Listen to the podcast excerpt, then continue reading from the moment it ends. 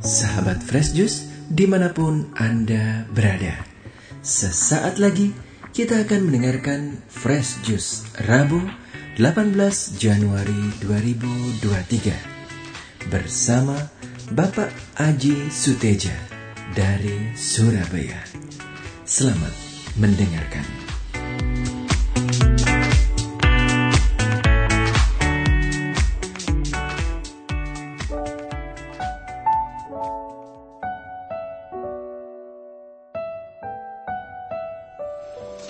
Selamat pagi sahabat Fresh Juice yang terkasih dalam Kristus. Jumpa lagi dengan saya Aji Suteja dari Surabaya. Selamat tahun baru 2023. Semoga apa yang kita mohonkan kepada Tuhan bisa terwujud di tahun ini. Amin. Hari ini Rabu 18 Januari 2023 kita diajak mendengarkan Injil Markus bab 3 ayat 1 hingga ayat 6. Inilah Injil suci menurut Markus. Dimuliakanlah Tuhan. Kemudian Yesus masuk lagi ke rumah ibadat. Di situ ada seorang yang mati sebelah tangannya. Mereka mengamat-ngamati Yesus, kalau-kalau ia menyembuhkan orang itu pada hari Sabat supaya mereka dapat mempersalahkan dia. Kata Yesus kepada orang yang mati sebelah tangannya itu, "Mari, berdirilah di tengah." Kemudian katanya kepada mereka, "Manakah yang diperbolehkan pada hari Sabat? Berbuat baik atau berbuat jahat? Menyelamatkan nyawa orang atau membunuh orang?" Tetapi mereka itu diam saja. Ia berduka cita karena kedegilan mereka dan dengan marah ia memandang sekelilingnya. Kepada mereka lalu ia berkata kepada orang itu, ulurkanlah tanganmu. Dan ia mengulurkannya, maka sembuhlah tangannya itu. Lalu keluarlah orang-orang Farisi dan segera bersekongkol dengan orang-orang Herodian untuk membunuh dia. Demikianlah sabda Tuhan. Terpujilah Kristus. Sahabat Fresh yang terkasih dalam Kristus, Injil hari ini telah sering kali kita dengar berikut renungan-renungan yang beragam yang pada intinya menunjukkan betapa besar kuasa Tuhan dan betapa Yesus menempatkan kasih di atas segalanya, bahkan di atas hukum Taurat. Namun kali ini saya mencoba untuk merenungkan sisi lain dari yang biasa dibahas. Saya cuplik sepenggal kalimat dari ayat 5. Ia berduka cita karena kedegilan mereka dan dengan marah ia memandang sekelilingnya.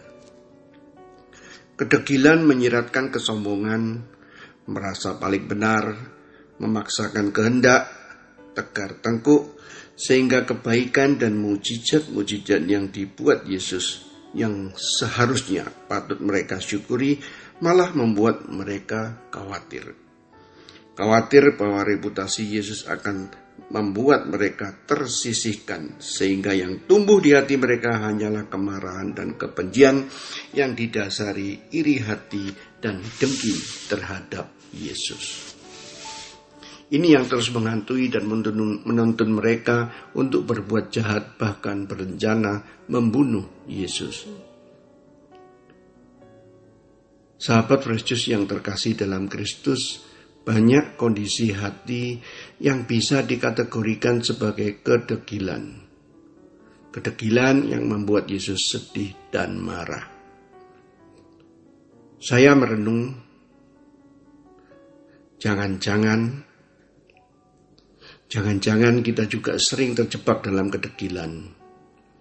Mungkin tidak separah kedegilan orang-orang Farisi yang sampai berencana membunuh Yesus tetapi kedegilan tetaplah kedegilan yang membuat Tuhan sedih dan marah, yang membuat mata hati kita tertutup untuk menyadari kasih dan kebaikan Tuhan, dan membuat pintu berkat tertutup bagi kita. Mumpung masih di awal tahun, yang biasanya kita banyak menaruh harapan, berdoa, dan memohon kepada Tuhan agar di tahun ini segalanya menjadi lebih baik.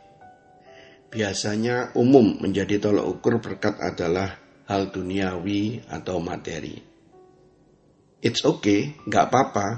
Tuhan itu baik, maha pemurah, kasihnya tak terbatas. Apa yang kita mohonkan dalam doa akan dikabulkan. Itu pasti. Namun Tuhan juga maha tahu Apakah jika permohonan dikabulkan akan membuat kita menjadi lebih baik atau malah sebaliknya? Nah, salah satu kendala yang menghambat berkat Tuhan yang kita mohonkan adalah kedegilan hati kita. Kondisi hati kita yang masih tercemari iri, dengki, kemarahan, kebencian, dendam, kekhawatiran, ketamakan, dan lain-lain, dan lain-lain. Bayangkan apa yang terjadi jika rezeki datang saat hati kita masih penuh kebencian kepada seseorang misalnya.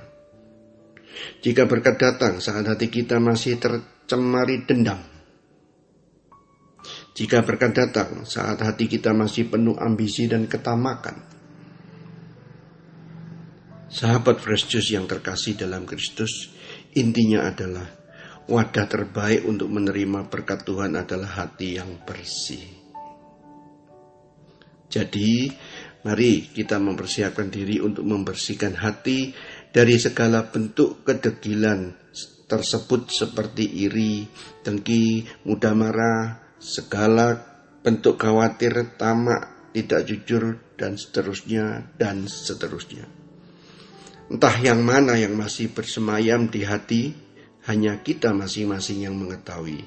Berbeda satu dengan lainnya. Pertanyaannya, mampukah kita membersihkan semua itu? Sulit memang. Terus bagaimana? Gampang. Hanya perlu niat dan percaya. Mohonkan dalam doa, jangan pernah putus doa saya mencoba menganalogikan. Ini istilah saya ya. Doa mohon berkat saya kategorikan menjadi dua. Satu berkat ilahi, yang kedua berkat duniawi. Walau yang dunia duniawi ini ya tetap merupakan berkat ilahi atau berkat Tuhan. Ini untuk memudahkan pembedaan. Berkat ilahi adalah permohonan untuk memperbaiki diri membersihkan hati dari apa yang mencemari. Kita masing-masing tahu kan apa yang menjadi kelemahan kita. Dan kita juga tahu sulit untuk menghilangkannya. Doa mohon berkat ilahi ini adalah menyiapkan wadah untuk menerima berkat-berkat yang lain termasuk berkat rezeki, kesehatan, kesembuhan, kerukunan, dan seterusnya, dan seterusnya.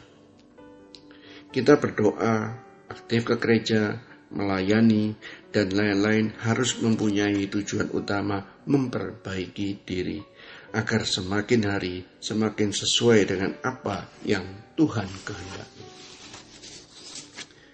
Setelah melaksanakan doa permohonan perbaikan diri, cermati perilaku kita. Kondisi hati kita semakin hari semakin baik Percayalah, kita akan merasakan banyak kelegaan, kelonggaran-kelonggaran dan kelenturan-kelenturan hati kita.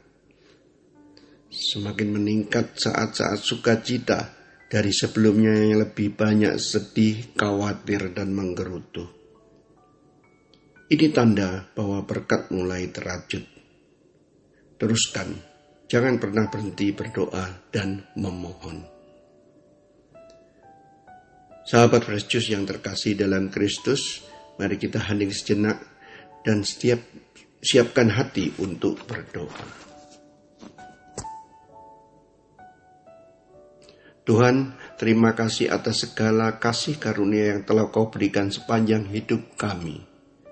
Maafkan kami apabila masih saja sering tidak bersyukur dan melakukan kesalahan.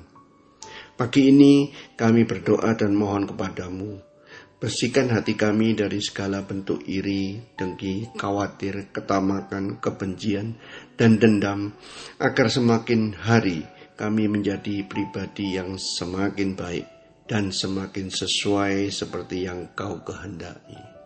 Terima kasih Tuhan, kami panjatkan permohonan ini dalam nama Yesus Kristus, Tuhan dan pengantara kami.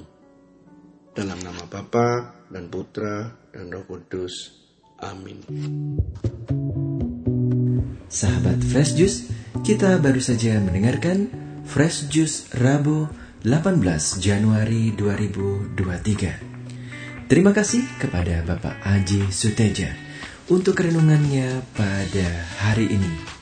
Sampai berjumpa kembali dalam Fresh Juice edisi selanjutnya.